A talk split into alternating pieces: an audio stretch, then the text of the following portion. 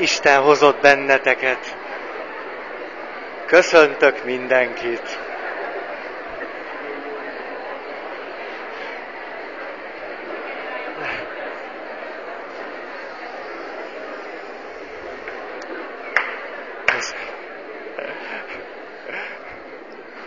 Ne. Nehéz, nehéz helyet találni Sajnálom, hogyha kényelmetlenül ültök. Úgy szívesen hoznék nektek székeket, vagy nem tudom, csinálnék valamit. De mondjuk nagyobb helyre nem szívesen költöznék. Mert így is ez nekem már túl nagy. Küszködök ezzel a mérettel. Nem bírom megszokni.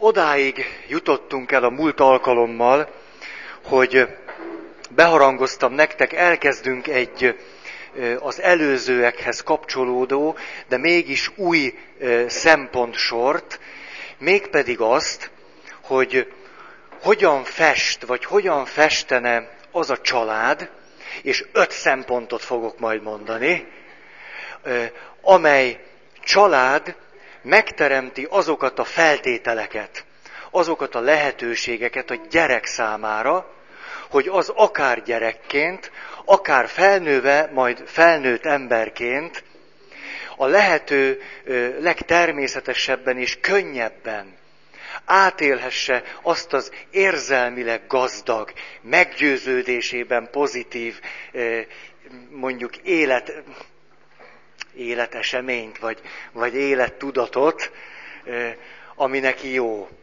Tehát itt most a családot helyezzük a középpontba, és annak nagyon örülök, hogy körülbelül néhány hónappal ezelőtt beszélhettem arról a négy pontról, amely azokra a családokra jellemző, ahol pszichoszomatikus megbetegedések fordulnak elő. A kettőt most egy picit egymás mellé is fogom állítani, hogy ne csak külön legyen a fejünkben, hanem lássuk azt, hogy milyen megdöbbentő, hogy teljesen két irányból közelít ez a két kutatás.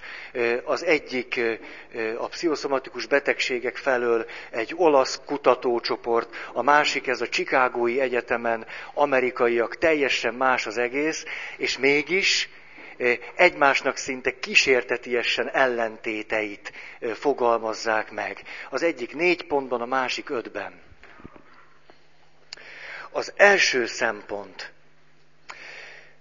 Nagyon fontos, hogy olyan, de még most mondok előtte valamit, hogy, hogy olyan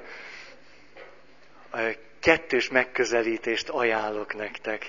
Az egyik, hogy mindazt, amit elmondok, mérlegelhetitek úgy, hogy milyen volt az a család, ahol ti fölnőttetek.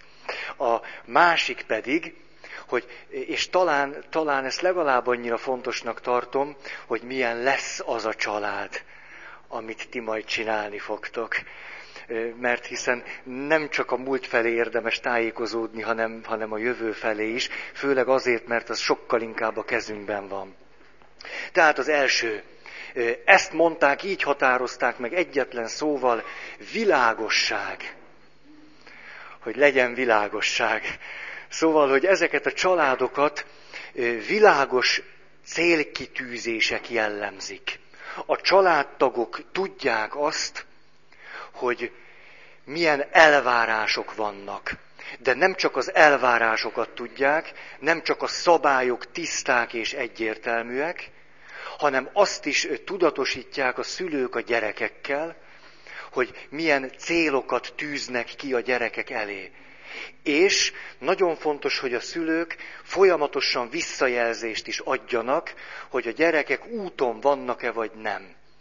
Hogy közelítenek ehhez a célhoz vagy nem.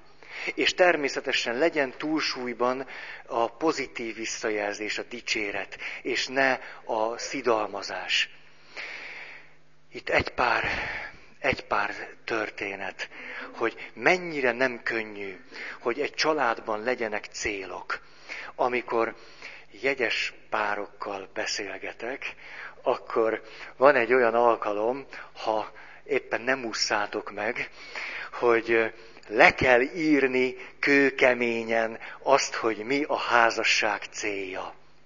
De itt nem valami elméletet várok soha, hanem mindig azt, hogy te határozd meg, hogy számodra mi a te házasságodnak a célja.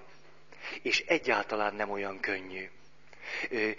Nem is mondom, hogy nehéz. Egyszerűen csak abból a szempontból mondom, hogy nem könnyű, hogy nem föltétlen fogalmazódik ez meg. Márpedig, ha az életben azt láttuk, hogy szinte minden dolog úgy működik jól, hogy pontosan meghatározzuk a célját, miért gondoljuk azt, hogy a házasság működhet úgy jól, hogy egyáltalán nem határozzuk meg a célját. Vagy pedig az történik, mint nagyon sok esetben az életünket illetően, hogy gondolunk valamit célnak, de ezt nem tesszük világossá és egyértelművé. És főleg mondjuk a házastársunkat nem értesítjük róla. És itt megint egy érdekes dolog, ami épp ma, hogy töprengtem ezen, jutott eszembe, hogy sokszor a célt összekeverjük az okkal az ok nem egyenlő a céllal. Mondjuk, ha valaki azt mondja, mondjuk ilyen eset is előfordult már, hogy erre a kérdés, hogy miért akartok megházasodni, mi a célotok, akkor erre azt mondja, hát jön a baba. Itt egyáltalán nem baj, hogy jön a baba, örülünk neki, de ez nem cél, hanem ez ok. Ő azért akar megházasodni, mert ez az ok őt indítja erre. De ez nem cél. Miközben ő lehet, hogy ezzel töké, azt gondolja, hogy tökéletesen meghatározta, hogy miért csinálja ezt. Nem, megmondta az okát. De nem mondta meg a házasságának a célját. Lehetne olyan olyan szempontokat is mondani, amik egy picit még, még árnyaltabbak, lelkibbek, és úgy tűnik, hogy, hogy ó, hát nem ez cél, pedig szó sincs róla, nem cél, hanem ok. Mondjuk, amikor valaki, ez egy nagy kör, arra hivatkozik, hogy a mi házasságunknak az a, hát miért házasodunk meg, hát mi is a célja? Hát, mert hogy ez, ez természetes, ez így természetes. Ezt, ezt így, így, így, így láttam otthonról, ezt a szüleim is így csinálták. Ez akkor nekem is megfelel. Ezért házasodok meg. Vagy azért, mert a feleségem azt mondta, hogy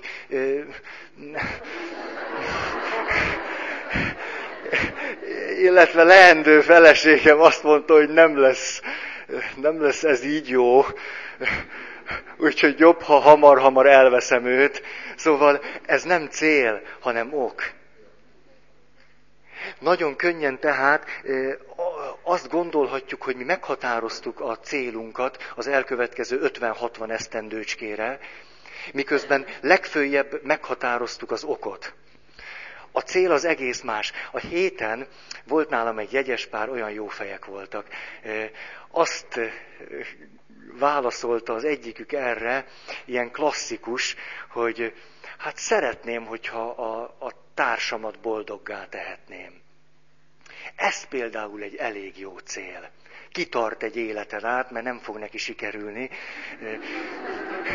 Tehát egy nagyszerű célt választott a, a, egész életet figyelembe vevően, de azért kitalálhattok mást is, csak a, a lényeg, hogy cél legyen. Na a másik, életemben többször voltam céllövöldében, az egy nagyon, nagyon jó dolog, ott lehet gyakorolni ezt a dolgot. Az egyik ilyen játékot úgy hívták, hogy katonaság. Azért vannak vegyes élményeim erről, mert játéknak elég bugyuta. Nem, nem annyira élvezetes, mint egy csomó minden más, komolyan meg nem nagyon lehetett venni. Úgyhogy ott el, én 87-ben vonultam be, ez egy elég, elég elvtársas idő volt még akkor, és emlékszem, hogy amikor kimentünk lőgyakorlatra, életemben először akkor lőttem rendesen élesbe, akkor én nem tudom, ezt sem tudtam komolyan venni, na, szóval az volt bennem, hogy ez egy játék, hogy kimegyünk, ott lövöldözünk, aztán a szerencsénk van még akkor, nem tudom én, kapunk két nap eltávot is, és először száz méterre kellett lőni, tudjátok, a karikákra. Az odáig rendben van, utána meg 200 méterre bukó alak. Na, van, aki volt katona. 200 méter bukó alak, hármas sorozat. Jó, hát hármas sorozat lement, bukó alak elbukott, nagyon meg voltam magammal elégedve, és ettől a fölszabadultságtól, hogy ez nekem sikerült, én föl is álltam, és úgy gondoltam, kimegyek, megnézem, hogy mi, mi is történt ott. Hát ezt nem vették olyan jó néven, egy őrmester állt ott mellettünk, az rögtön leüvöltött engem, hogy már nem is tudom, mit mondott, a nevemet nem ismert, az biztos, de mondjuk azt mondta, hogy Honvéd nem tévedett sokat, úgyhogy mondta, hogy Honvéd feküdj. Hát én álltam egyedül, úgyhogy ezt én, én meg könnyen magamra vettem, úgyhogy elvágódtam, és akkor hova igyekszik, tudjátok ez. Na mindegy, a, a, a lényeg az, az az volt ebben, hogy 200 méter hasonkúszás, kikúztam a bukó alakig, aki ott bukott 200 méterrel odébb, és akkor a következő megdöbbentő látvány fogadta az őrmestert, aki kisétált mellettem, hogy a hármas sorozat négy találatot jelentett, bukó alakon négy golyó ütötte seb tátongott, és ezen úgy meglepődött, azt hitte, hogy én, én nem csak itt mászkálok a lőtéren, hanem szóval hogy itt valami loptam lőszert, vagy valami ilyesmi, és akkor tetemre hívott, és kérdezte, hogy hát akkor Honvéd, ez, ez hogy, hogy lehetséges? És mondtam, én ezt nem tudom, hát én sorozatot lőttem, ha négy, akkor négy. De őt ez nem elégítette ki, úgyhogy ilyenkor gondoltam azt, hogy na ez akkor mégis csak egy jó játék, és mondtam neki, hogy őrmester elvtárs csoda történt.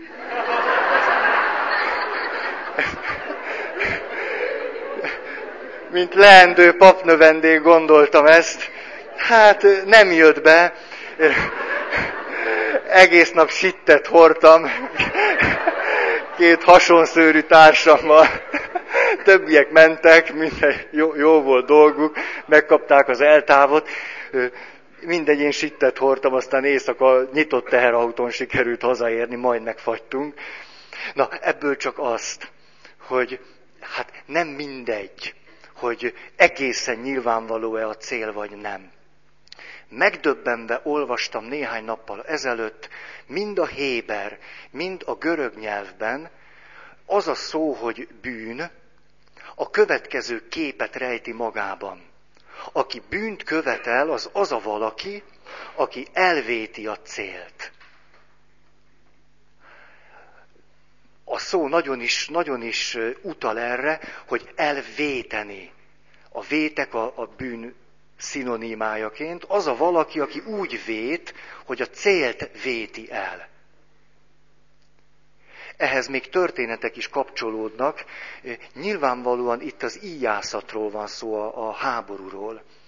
Aki elvétette a célt, az nem bűnt követett el, az vétkezett, elvétette, az volt a vétkes ember.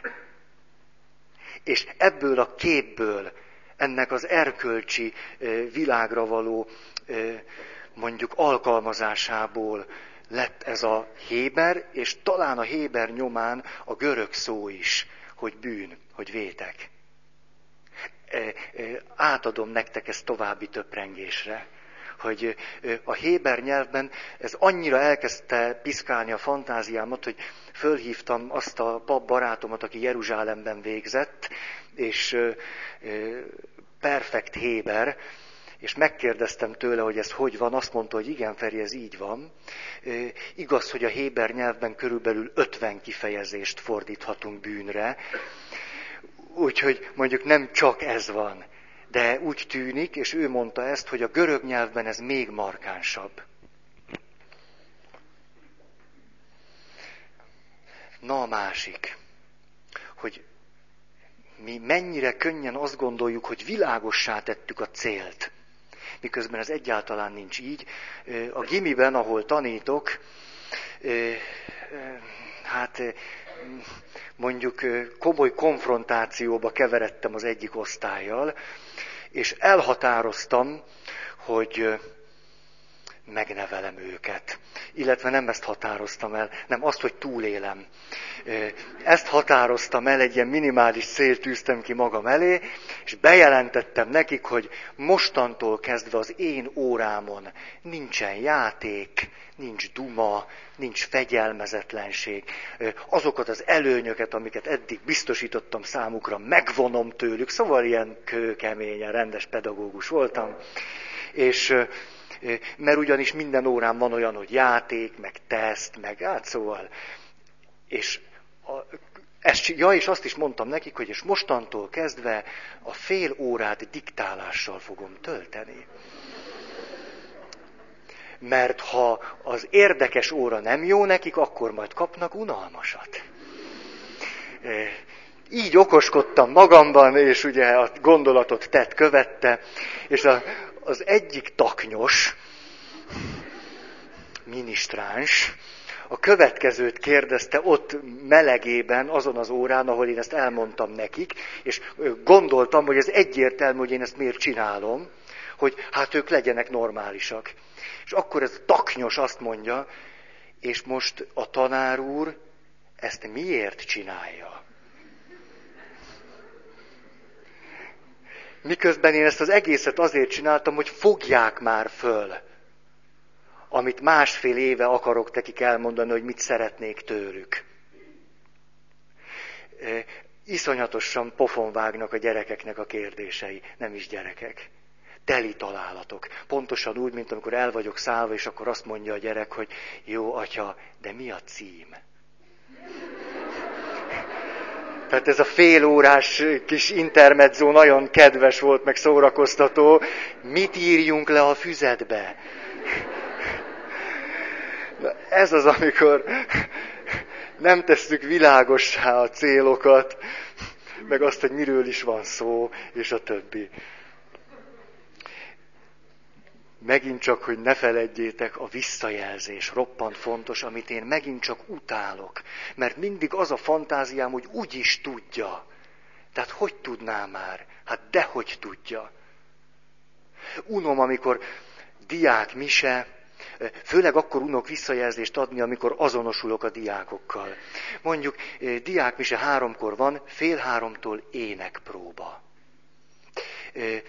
kinyitom a templomot, megbeszélem mi, hogy legyen, fél három után két perccel megyek haza, mert nekem még van fél órám, nekik nincs, és úgy kell hazamennem, hogy van ott egy játszótér. És mit látok? A legidősebb diákjaim hintáznak. 16 éves pöttyök, aranyosak. És azt gondolom, hogy az első, ami eszembe jut, hogy én ezt nem látom. Tehát nem, nem vettem észre, megyek haza, semmi. A, már most minek konfrontálódjunk, hát annyira blama most, most én... A második az az, hogy hát mégiscsak szólok nekik, de utána rögtön lebeszélem magam róla, hogy de hát én is ezt csinálnám. Tehát most odaállok, nem vagyok túl hiteles. Tehát ha lehet, ú, vannak énekesek köztünk, tehát minden esetre én gyarló ember, ha lehet választani az énekpróba meg a hintázás között, hát legyen a hinta. De aztán erőt vett, vettem magamon, és mondtam nekik, hogy elkezdődött az énekpróba próbáltam ilyen nagyon semlegesen és hitelesen, majd, majd bemenekültem a szobácskámba. Ezt, ezt a helyzetet inkább hagyjuk.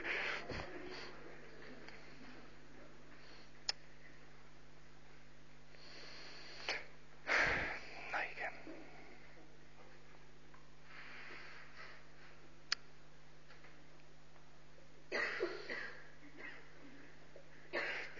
Ide azt azt hoznám az előző négyes szempontsorból, a pszichoszomatikus betegségekből, hogy ugye ott az első szempont az volt, hogy a határok elmosódnak. Nincsenek tiszta és egyértelmű határok. Én határok nincsenek meg, generációs határok nincsenek meg, a szerepek határai nincsenek letisztázva.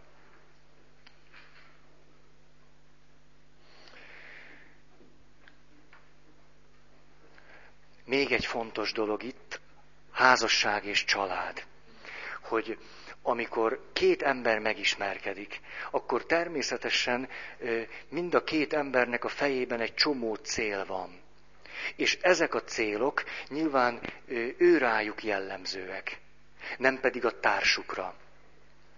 És lehetetlen, hogy ki lehessen kerülni azt az ütközést, hogy amikor megismerkedünk egymással, és megy a hét, a hónap, az év, hogy ne kelljen a céljainkat módosítani. Ugyanis egészen biztos, hogyha én egyre szorosabban kapcsolatba kerülök valakivel, akkor ez a kapcsolat engem mindenestül segítsen a saját egyéni céljaim elérésében. Azon céljaim elérésében, amelyeket akkor tűztem ki magam elé, amikor ő még nem volt.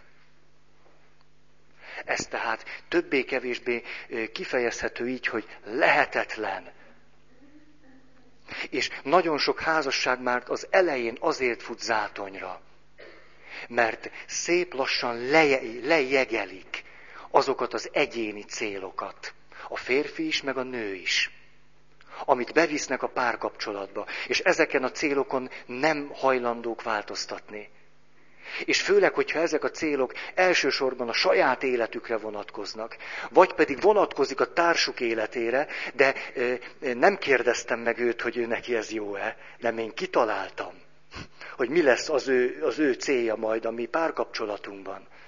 Akkor roppant rövid idő alatt komoly, komoly konfliktusok támadnak. Ezért mondjuk az a néhány év, ami a házasság kötés előtt van, tulajdonképpen a célok folyamatos módosítására is fontos időszak kellene, hogy legyen. Hogy rájöjjek arra, hogy képes vagyok-e pont amellett az ember mellett, aki lehet, hogy a férjem vagy a feleségem lesz, úgy módosítani a céljaimat, hogy az még nekem mindig megfeleljen. Vagy ha nem, akkor az az ember nem felel meg nekem. Persze az is lehet, hogy annyira rugalmatlan vagyok, hogy nincs olyan ember. Vagy pedig van, de, de hát akkor kapok egy árnyékot. Legfőjebb. Az a bólogató, mint az a, tudjátok, ami megy lefelé. Az a kakuk vagy micsodai. Jó, mindegy, hogy mit mondasz, és akkor végén jön a mélypont.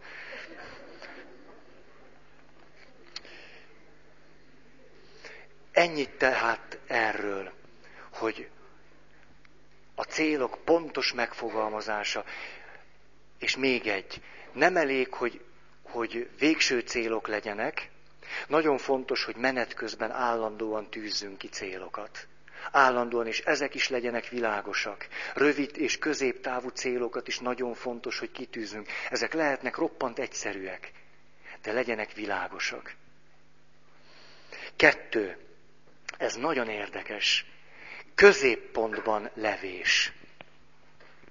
Tehát azokat a családokat, ahol átélhető az öröm, egy mély meggyőződés, hogy én tudok mit kezdeni az életemmel, hogy urrá tudok lenni az élethelyzeteimen, hogy oké okay vagyok.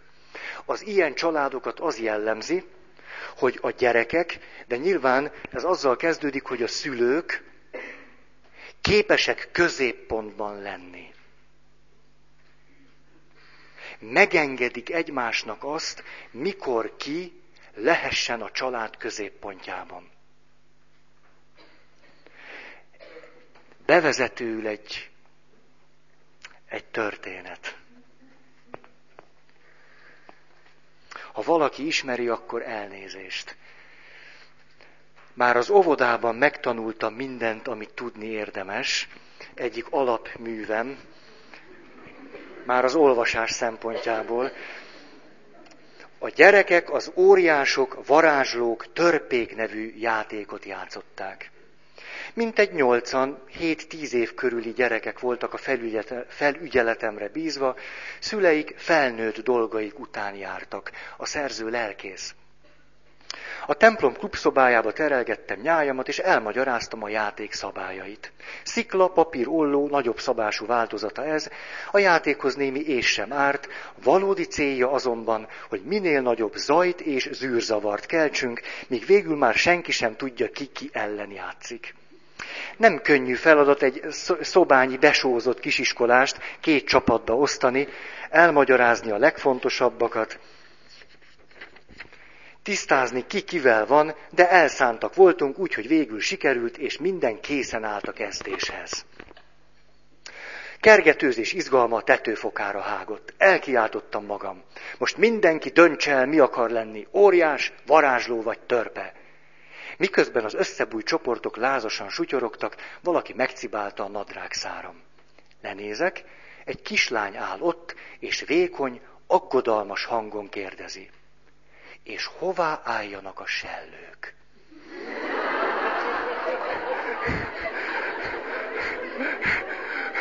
Hosszú csönd, hosszú, hosszú csönd.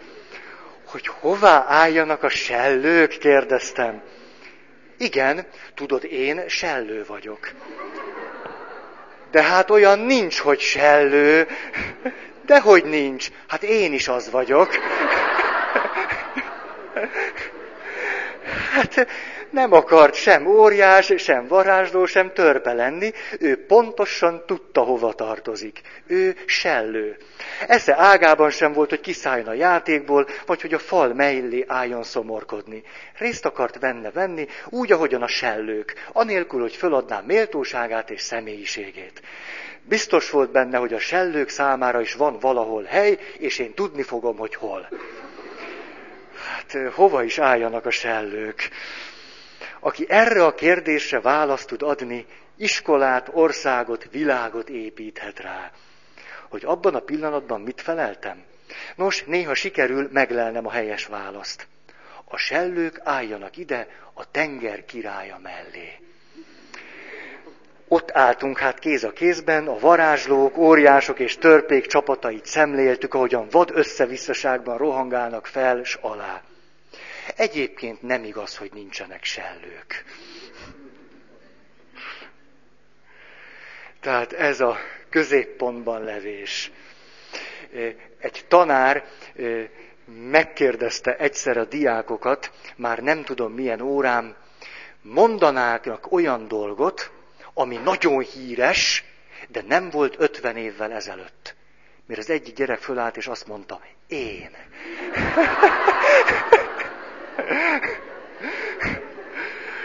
Ez az, amikor valaki egészségesen tud eh, középpontban lenni, természetesen és normálisan megtalálja itt a helyét. Eh, ehhez azért más is kell, ez, ez na mindegy. Eh, szóval ide az tartozik, hogy amikor a szülőket érdekli az, hogy mi van velem, vagy veled, vagy a gyerekkel. Ennek, hogy ez mit jelent? Azt jelenti, hogy a szülőt érdekli egészen konkrétan az, hogy most, ebben a pillanatban hogy vagy. Mit akarsz, mi volna neked jó, mit fáj, sötöbö, sötöbö. És ennek a legnagyobb ellensége az, amikor a szülő, erről már szóltam nektek, a jövőre készíti föl gyermekét. Tehát most nem, mert ha most igen, akkor öt év múlva nem. Tehát most nem. És most mindig nem. Most nem érdekes, hogy ez neked nem jó, hogy nem szereted, hogy fáj, hogy unod, hogy fáradt vagy, nem érdekes. Mert ha ezeket most nem csinálod meg, akkor majd nem leszel boldog. Ez. És amikor eljön a majd, akkor már nem lesz boldog. Nem csak azért, mert szóval, mert nagyjából el van intézve. Ki, kibeleztük szegényt. Vagy azt mondja jó katolikusként, hogy hát úgy tűnik ez a föld nem az a hely. Majd oda át.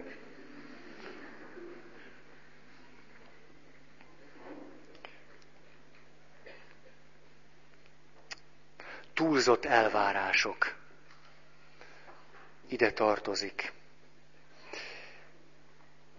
És még egy nagyon nagy csoport ide tartozik. A, az, amikor olyan a, na, hogy, hogy miért lehetséges az, hogy valaki nem élheti át azt, hogy ő a középpontban van, hogy ő számít, hogy miért lehetséges az, hogy, hogy valakitnek elképzelhetetlen, hogy fölálljon és azt mondja, hogy én egy, egy nagyon fontos valaki vagyok, aki nem léteztem 50 évvel ezelőtt, vagy kicsit régebb óta. Hogy két súlyos oka lehet. Az egyik, hogy elkényeztették. Mondom is, hogy miért. Mert amikor valakit elkényeztetek, akkor azt úgy kell csinálni, hogy én kitalálom, hogy jaj Márti, és sokkal jobb lenne, hogyha nem olyan anyagból kötnéd azt a dolgot, hanem hozok neked nagyon szép kéket. Az lesz a legszebb neked, a kék kék. Én többféle kéket is hozok, mert az nem, nem, nem szép sajnos, nem tudom kinek készül, de nem, nem fog neki örülni. Hidd el, hogy ha, ha kéket, kéket csinálsz, az sokkal... Laci itt van? Mekkora szerencse. Szóval, amikor a szülő eldönti gyereke helyett, hogy ő neki mi jó, nem döntheti el a gyerek azt, hogy teja vagy tej. Nem, finom tea, tea, tea. És a gyerek több sugárba köpi ki, de a szülő nem módosít elképzelésén, hogy ő tudja, hogy a gyereknek mi jó. Tehát ha teja, akkor teja. De a gyerek kitalálja, hogy építsünk most, egy barátomnál jártam, az a Legónak hívják azt a játékot? Legó? Jó, légó, vagy, vagy legó, vagy mi? Jó. Hagyjuk a légót, az, az más, ugye, az más. Rossz asszociációkat terem, legó. Megyek az egyik ismerősömékhez, és a gyerekek ilyen sugárzó arccal, Feri, gyere föl, nézd meg, mit építettünk. És fölmegyek, és csináltak, téli olimpia ment, csináltak olimpiai falut. De ez az olimpiai falu nem előre gyártott olimpiai falu volt, hanem volt mindenféle kocka, meg mindenféle előre gyártott dolog, de ők azt hagyták azt az egészet, és ők abból csináltak olimpiai falut. Nyilván akkor csinálhat egy gyerek olimpiai falut, hogyha az apja nem megy oda a negyedik kis kocka letétele után, hogy hát az utasításban nem így van. Te már eltoltad gyermekem. Öt perc múlva visszajövök, megnézem, hogy kijavítottad-e. Tehát ez az egyik. Miközben azt, hogy én az akaratomat rád erőltetem, becsomagolom abba, hogy hát én tudom, hogy neked mi jó. Hát, hát te olyan kis pöty vagy még. Hát hogyan tudhatnád, kedves? Majd én megmondom neked, hát én vagyok az apu. A nagyika. Tehát ülj csak le szépen, és hallgass meg, hogy ez hogy van. És persze a tettek az az, hogy agyon van nyomva a gyerek minden cuccal. Mindennel. Mert hiszen jót akarunk neki, hogy élvezze az életet. A, de játszani nem úgy kell, hogy ő gondolja. Azt mi sokkal jobban tudjuk. Hányszor az én apukám is ilyen volt, de de volt azért más is vele, nem csak ez, de mondjuk re- remekül szórakozott a villanyvasúttal. Én nem... Minden karácsonykor kaptunk villanyvasutat, és tudjátok, milyen a gyerek, hát voltunk, még vissza tudunk emlékezni, hogy, hogy mit érdekelt engem, hogy, hogy minden elemet én be, beillesszek. Hogy az utolsó kis hülye kis izét is íz, és az is működjön, és akkor az világítson. Hát érdekli a francot, működjön, menjen nekem körbe-körbe, hát ne ilyen 28-as pálya, meg mi, hanem, hanem hát lássam, hogy megy körülbelül ehhez. És akkor először építsük meg, csak menjen. És akkor az apám mit mondott erre? Várjál, fiam! Az nem úgy van, hát itt van még egy csomó elem, és még nem kötöttük be a szemafort. Hát mit érdekel a szemafor? Hát, hát, hát én irányítom az egészet. Hát, hát apa, ne hülyéskedj már. Hát nem attól fog megállni, hogy pirosat mutat, hanem attól, hogy letekerem. Hát apu... De nem, apukám megmondta, hogy azzal úgy kell játszani, hogy... Na azért azt kihevertem azóta.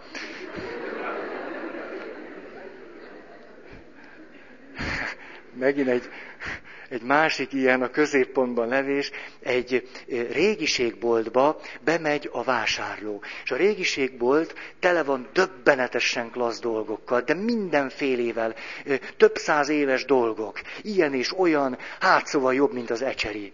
És bemegy a, bemegy a vásárló, és annyira elbizonytalanodik a bőség láttán, hogy hát azt gondolja, hogy segítsen neki az eladó, a boltos, és mondja, hogy mondja uram, mi a legérdekesebb dolog ebben a boltban? Mire a boltos azt mondja, kétségkívül én magam. De nem eladó.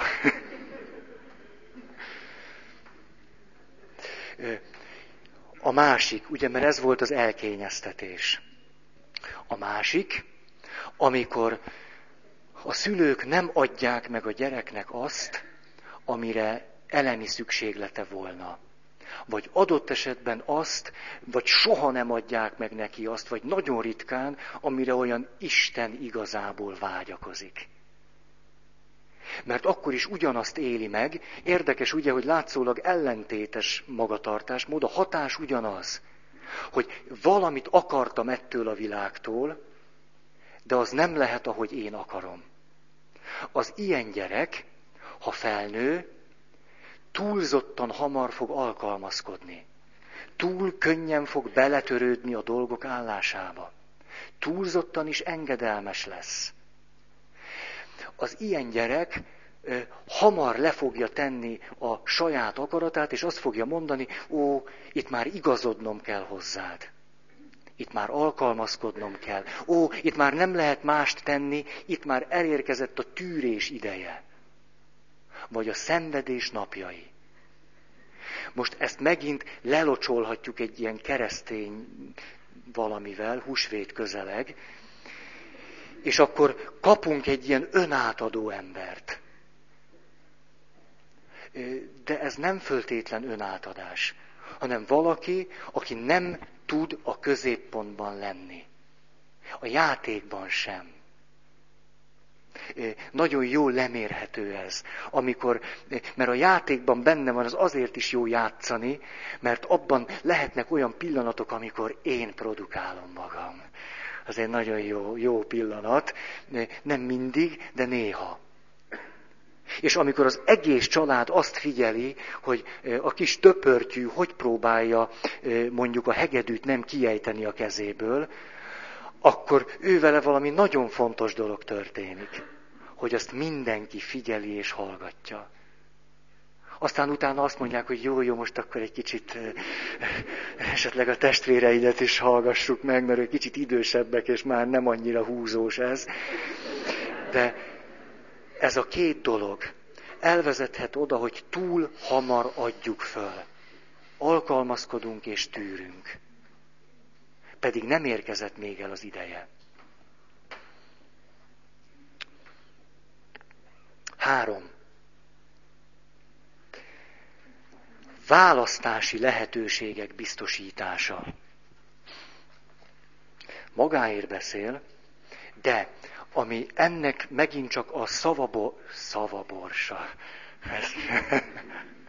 savaborsa, hogy mi van abban benne, hogy a szülők engednek választási döntési lehetőséget a gyerekeiknek. Az, hogy dönthetnek úgy, amivel a szülő nem ért egyet. Dönthetnek úgy, amire a szülő azt mondja, hogy rendben van, te csinálhatod ezt, de ennek meg lesz a következménye. Ez nagyon kemény egy szülőnek. Hogy azt mondja, hogy jó, csináld meg, de ha te ezt, és ezt az utat járod, adott esetben szabad kimondani ezt, büntetés lesz a vége. Meg foglak büntetni érte. Megteheted, meg foglak érte büntetni.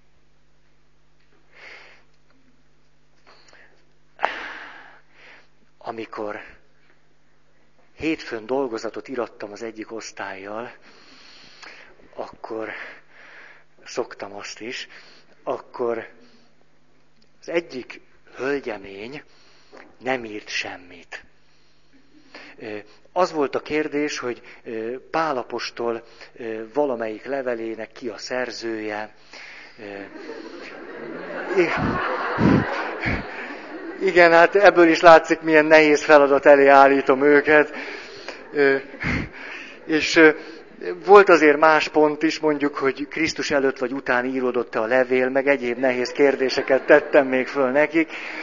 És az egész dolgozatra volt kb. hat kérdés, ezt írta ilyen sor mintaszerűen, hogy pálapostól, pálapostól, pálapostól, pálapostól. És oda mentem hozzá, a többiek írtak, de ő nem, mert előbb-utóbb megunta ezt, hogy kérdeztem tőle, hogy na most Anna, jól telt a hét vége? föl, fölcsillant a szem, és mondja, hogy nagyon jól, atya. Látom, nem volt kedved tanulni. Hát nem. Hát jó van akkor. És akkor azt mondtam neki, hogy örülök, hogy jól telt a hétvége, de azért ez egyes lesz.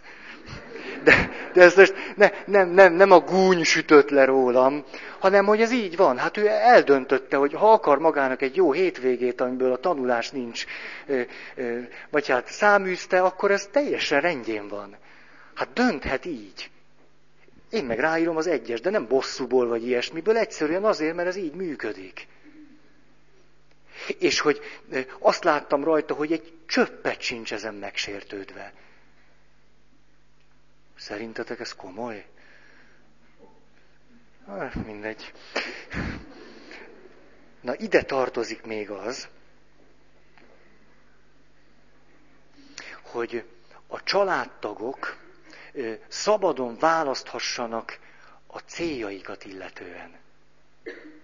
Hogy lehessen a családtagoknak különböző célja, lehessenek külön emberek, ne kelljen mindenkinek egyformának lenni.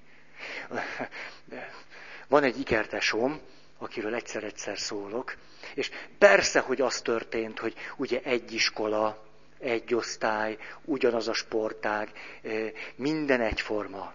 És akkor először kiharcoltuk azt, hogy ha ugyanolyan ruhát kapunk, legalább a színe legyen más. Ez a szüleimnek is jó volt. És akkor emlékszem, testvéremé volt a piros, enyém meg a sárga. És akkor beköszöntött a sárga korszak, meg a piros korszak. És na jó, de aztán, aztán egy kicsit fejlődtünk, és emlékszem, hogy épp múltkor említettem, vagy kettővel ezelőtt, hogy amikor kerületet kellett váltani, akkor a nevelési tanácsadóban ahova kedves jó atyám és anyám többszörösen megfordult, azt a, azt a, azt a, hát mondjuk, tanácsot kapta, hogy minket külön osztályba irasson be. És akkor a hatodik évet én az A-ban, ő meg a C-ben kezdte el. És aztán, hogy milyen nehéz választás volt az is, amikor a tesóm abba hagyta azt a sportágat, sportágat amit együtt kezdtünk el. Mert hát, hogy ikertesók. És hogy hát, hát miért nem csinálják ugyanazt? Ne, nehéz volt, a testvérem átment más sportágra, és nehéz volt neki ezzel megküzdeni, hogy ő hat csinálhasson mást.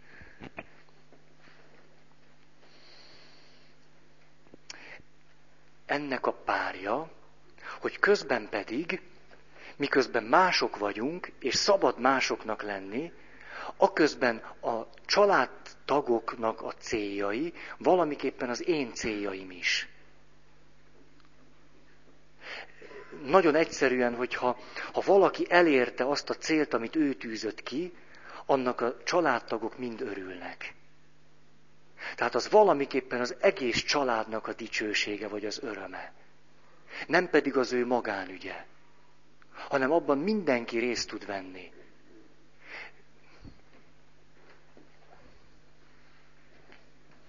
Pálapostól azt mondja, szentírás. Mindent szabad nekem, de nem minden válik a javamra.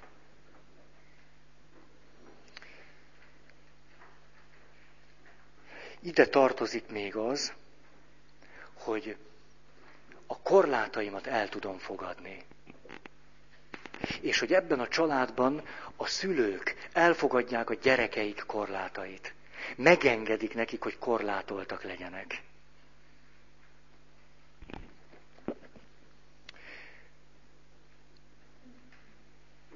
Negyedik pont. Elkötelezettség. Ez két dolgot jelent. Elsősorban, hogy a szülők elköteleződnek a gyerekeik mellett. De ide tartozik az is, hogy a szülők elköteleződnek férj és feleségként egymás mellett. Miért olyan fontos ez? Azért, mert hogyha a gyereknek a lelki energiáit, meg a fizikai energiáit is arra kell fordítania, hogy biztonságban érezhesse magát, hogy biztonságba helyezhesse magát. Mert bizonytalan abban a kérdésben, hogy az apu meg az anyu egy év múlva apu meg anyu lesz-e. Férj és feleség lesz, hogy ez a család lesz-e egy év múlva. Ha a gyerek ezt, ezt megéli, nyilván attól teljesen független, hogy a szülők erről beszélnek-e vagy nem akkor a gyereknek iszonyatos energiákat kell belefektetnie abba, hogy a maga módján megteremtse a maga kis biztonságát, és miközben egy teljesen lehetetlen helyzetben van, hiszen egy kiszolgáltatott gyerkőc, ez azt fogja jelenteni, hogy szinte minden energiája arra fog menni, hogy valahogy magát biztonságban tudhassa.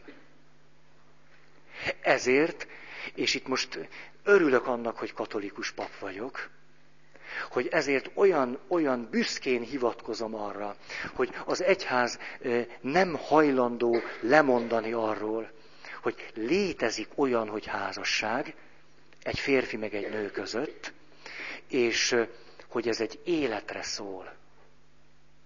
Hogyha a fene fenét eszik is, az egyház ezt hirdeti.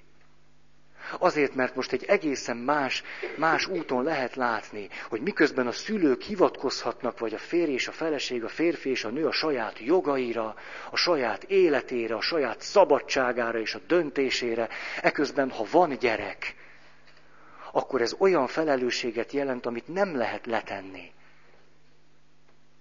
Olyat, amivel, eh, és utána mondhatjuk azt, hogy eh, és a gyerekeinknek megadtunk mindent, hogy majd ha fölnőtt lesz, akkor dönthessen, és járja a maga útját, és legyen úgy boldog, ahogy tud. Csak éppen nem tud.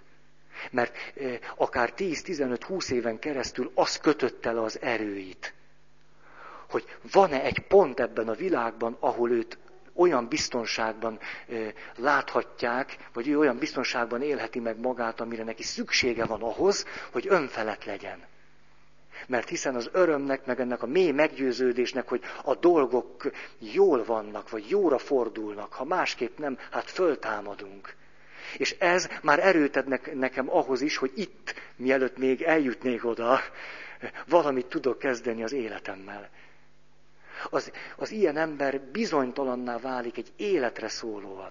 Persze lehet ezen finomítani, lehet ezen alakítani, de komoly örökség ez, elég komoly negatív örökség hogy átadhassa magát a gyerek annak, amit éppen akkor csinál.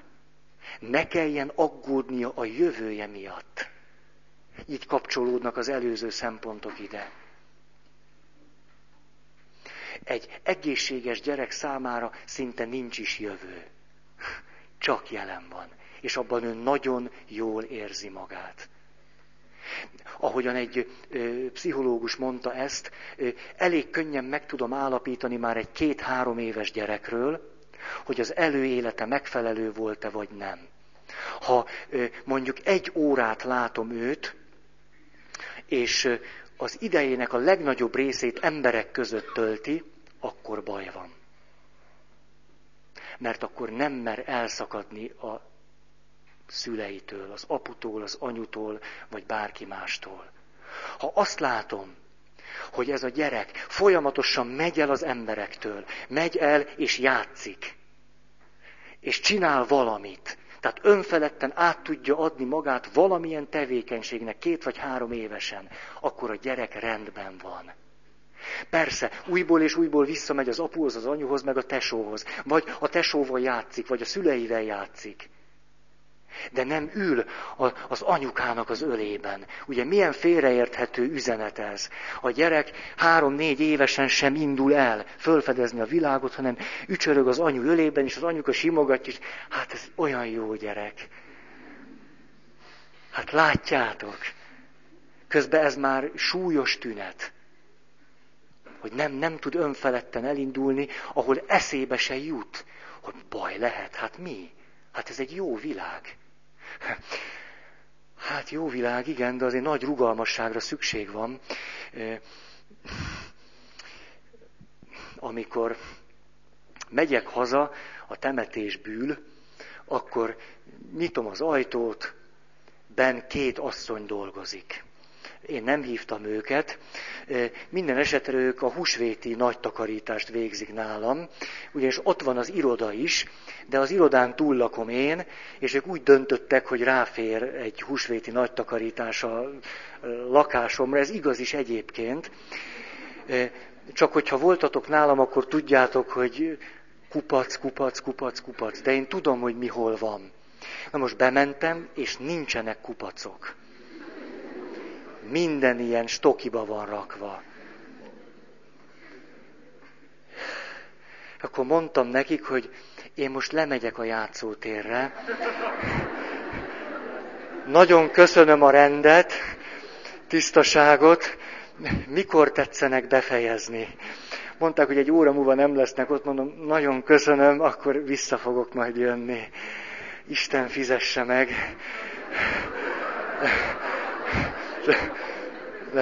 lementem a játszótérre, az öt perc múlva visszamentem, mondtam nekik, hogy egyetlen cetlit se dobjanak ki.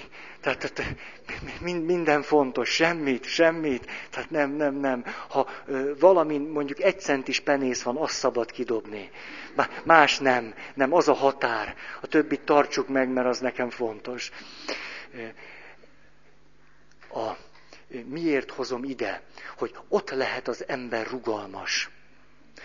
Ott lehet állandóan változtatni, állandóan beismerni, hogy valami, valami jó vagy rossz, vagy nem jó, vagy mást kellene csinálni, ahol nem kell görcsösen kapaszkodni az apuba vagy az anyuba. Azért jutott eszembe, mert hogy ülök a játszótéren, magamba vagyok zuhanva, és látom, hogy egy kisgyerkőc, körülbelül három éves, rohan tiszta erőből, és persze akkorát esett, mint a csuda. És még ilyet nem is láttam, hogy még fekszik a földön, ilyen óriási szemekkel így körbenézett.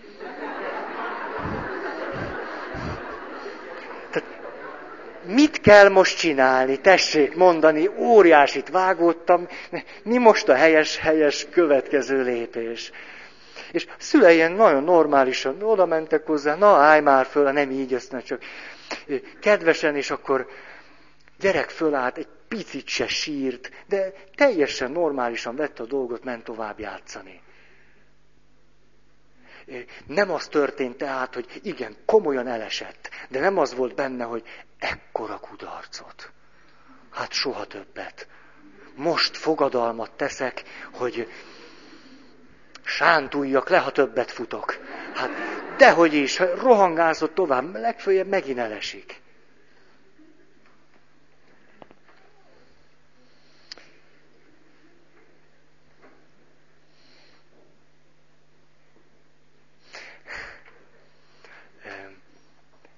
Gyerekkel beszélget a tanár.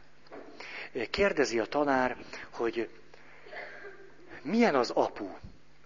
Jaj, hát mondja a gyerek, az apu, hát az reggeltől estig értem dolgozik.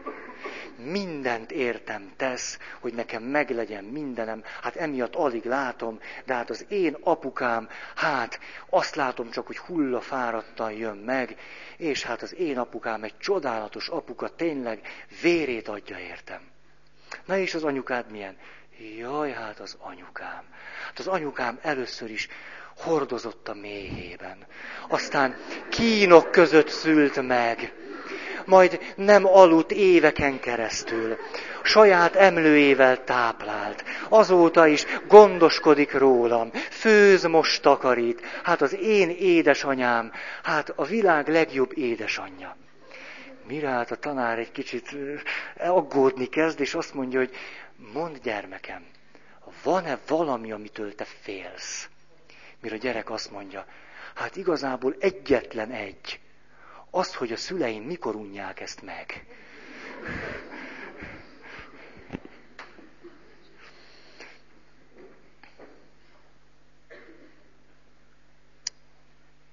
Nézem az időt is. Ötös. Lehetőségek adása. Ez egy kicsit több, és más, mint a választás és a választási lehetőségek. Ez azt jelenti, hogy új és új, eddig még ismeretlen, de adott esetben sokkal árnyaltabb, összetettebb, nagyobb erőkifejtést igénylő, de a gyerek képességeihez mért lehetőségeknek és céloknak a biztosítása, folyamatos biztosítása. Ez a házas társi kapcsolatra is vonatkozik, hiszen a családról van szó. Tehát képesek a, a szülők új és új célokat kitűzni. Két történet ide, csak hogy nehogy rosszul mondjam. Kiotóban az Isei nagyszentét 1500 évvel ezelőtt építették föl, két domb van egymás mellett, vagy egymással szemben, ez mindegy, és az egyikre építették a szentét. Csak hogy 1500 év alatt körülbelül 60-szor a szentét lebontották, és átépítették a túlsó dombra. Majd megint lebontották, és visszaépítették az előzőre. Majd lebontották, és megint. Hatvanszor építették új, újjá ezt a szentét. Azért, hogy aki, aki az Istennel ebben a szentében kapcsolatot tart, az mindig átélhesse, hogy itt új dolgok vannak. Nem csak mindig ugyan ott és ugyanaz. Egy másik, egy törzs, a brit-kolumbiai indiánok, akik olyan területen élnek, hogy a természet mindent megad nekik, kitalálták azt, hogy körülbelül 25-30 évenként elköltöznek a faluból, ahol minden a kezük ügyében van, mindent nagyon jól tudnak, és minden kényelmes életet biztosít nekik, elköltöznek egy új vidékre, ahol megint újból kell kezdeni mindent előről. 25-30 év alatt belak, belakják azt a vidéket, és amikor már túl jól megy a dolguk, akkor megint elköltöznek. Nem egyszer láttam olyat is, hogy egy házastársi kapcsolat attól kapott egy új lendületet, hogy elköltöztek otthonról kellett nézni egy új lakást, egy új helyet, azt megint be kellett rendezni, be kellett lakni. Egyszer csak önkéntelenül lett egy csomó új cél, egy csomó új feladat, amit jó esetben megint együtt kellett megoldani.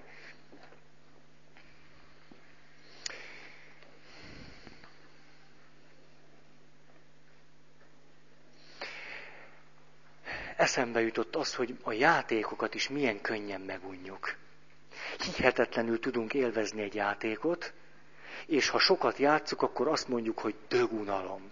És le kell tenni azt a játékot, és évekig nem játszani. És utána elő lehet megint venni. Vagy, ezt én még jobbnak tartom, új játékszabályokat kell kitalálni. Valami újat belevinni. Én például roppantul unom azt, amikor úgy strandröplabdázunk, hogy mikor azon a szinten vagyunk, hogyha valaki megkapja a labdát, akkor azt leüti.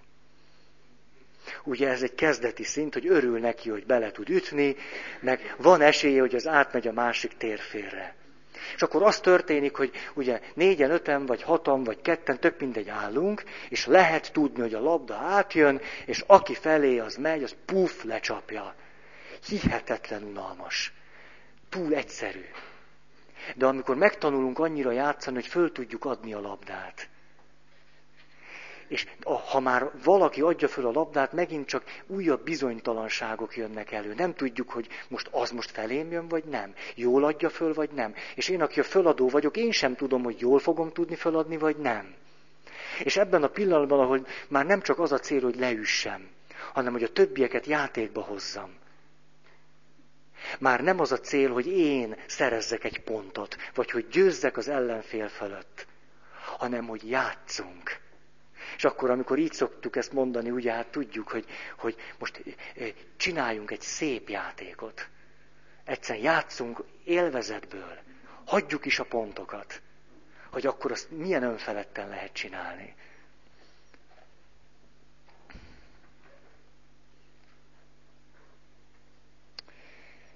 Ide tartozik az, ami egy családban nagyon-nagyon kritikus szokott lenni. A serdülők. A serdülők nem rosszak, csak elegük van azokból a célokból, amiket mi tűztünk ki eddig eléjük. Vagy azokból a célokból, amelyeket úgy adtunk át nekik, hogy azt hitték az övék. Tehát minden áron, de új célok kellenek. És Csíkszent Mihály Mihály nagyon érdekes szempontokat hoz ezzel kapcsolatban. Hogy nem egyszer nem tudunk, mintha egy olyan társadalomban élnénk, ahol a serdülőt kis hülyének tartjuk, nem adunk nekik elég jó célokat. Olyasmit, ami, ami beleillik ebbe a világba, jó lépés nekik fölfelé is, meg az életkoruknak is, de igazán izgatja őket.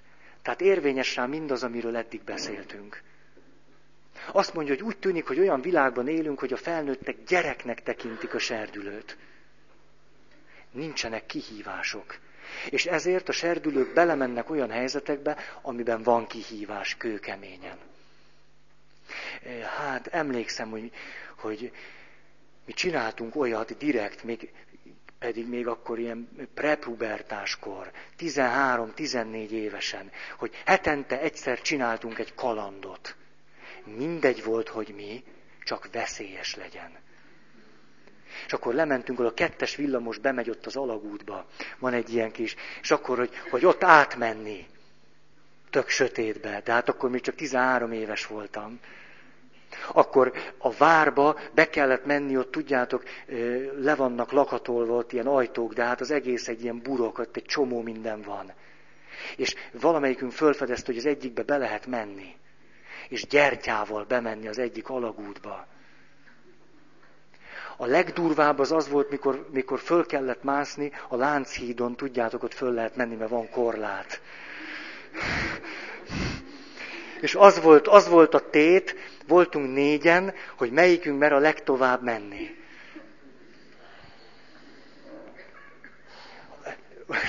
Ne, itt vagyok, jól vagyok.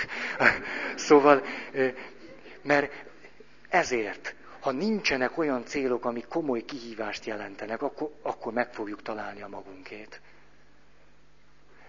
Tényleg a magunkét. Ezt...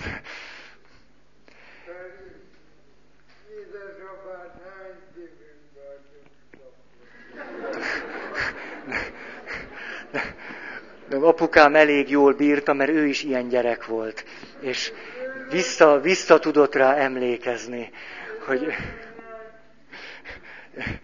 Édesanyám megőszült. Na, ez, ez volt az öt szempont. Csak gyorsan hadd hozzam ide a pszichoszomatikus családnak a szempontjait, hogy, hogy össze tudjuk kötni. Ugye a világossághoz azt tartoztatta, nem akarom erőltetni ezt a párhuzamot, de mégis szerintem eléggé magáért beszél, a határok elmosódása a középpontban levéshez, emlékeztek, a kommunikációnál mondtam ezt, hogy a vezető szerepet a családban nyíltan nem meri, és nem akarja, vagy nem tudja senki sem vállalni. Ez jellemzi a pszichoszomatikus betegségben, stb. stb. családot. Nincs kőkemény vállalása a vezetői szerepnek. A hármas volt a választási lehetőségek, ennek talán az lehetne az ellentét párja, a túloltalmazás. Dehogy választhatsz, apu, anyu megmondja. Túloltalmazás. A négy, az elkötelezettség és elköteleződés. Ide talán az illhetne a konfliktus kerülés. Ugye azért, mert ha a gyereknek biztonságban kell lennie, akkor kerülni fog mindent, ami a saját akarat, a saját cél, jaj, jaj, jaj, csak biztonságban legyek. Mert a gyerek átveszi, azt fogja gondolni, a szüleim azért válnak el, mert én rossz fiú vagyok, vagy rossz kislány. Tehát igyekszem pontán zsugorodni. Nehogy a szüleim miattam váljanak el, mert a gyerek ezt így éli át, hogy ő a hibás, ő a felelős. Tehát kerülni fogja a konfliktust, stb. És a négy, az új lehetőségek és cselekvési módok adása, ide pedig a rugalmasság. Nincsenek új dolgok. Nem, nem, nem. A régi, azt tessék csinálni egy életen keresztül.